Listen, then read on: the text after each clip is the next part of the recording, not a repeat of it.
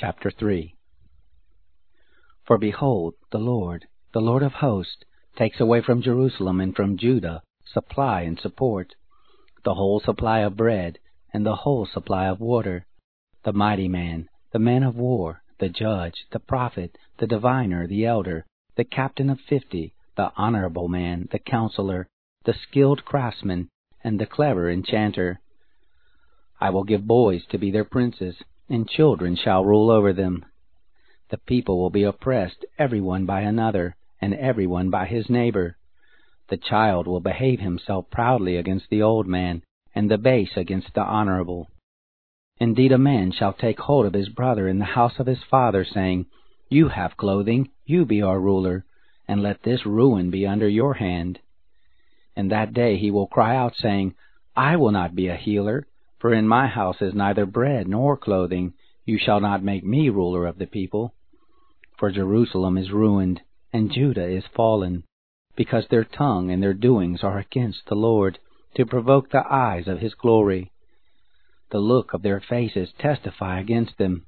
They parade their sin like Sodom. They don't hide it. Woe to their soul, for they have brought disaster upon themselves. Tell the righteous good, for they shall eat the fruit of their deeds.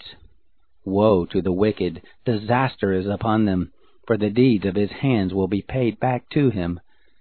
As for my people, children are their oppressors, and women rule over them.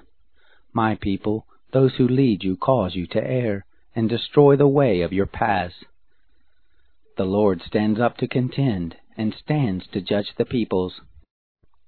The Lord will enter into judgment with the elders of his people and their leaders. It is you who have eaten up the vineyard. The spoil of the poor is in your houses. Do you mean that you crush my people and grind the face of the poor, says the Lord of hosts?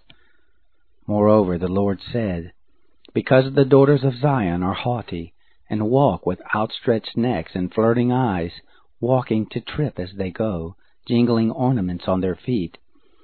Therefore the Lord brings sores on the crown of the head of the women of Zion, and the Lord will make their scalps bald.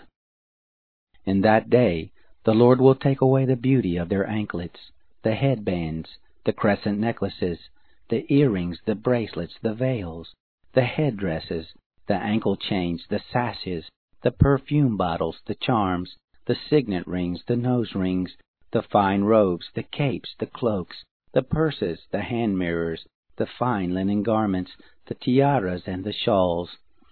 It shall happen that instead of sweet spices there shall be rottenness, instead of a belt, a rope, instead of well set hair, baldness, instead of a robe, a girding of sackcloth, and branding instead of beauty.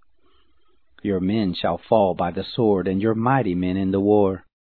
Her gate shall lament and mourn, and she shall be desolate, and sit on the ground.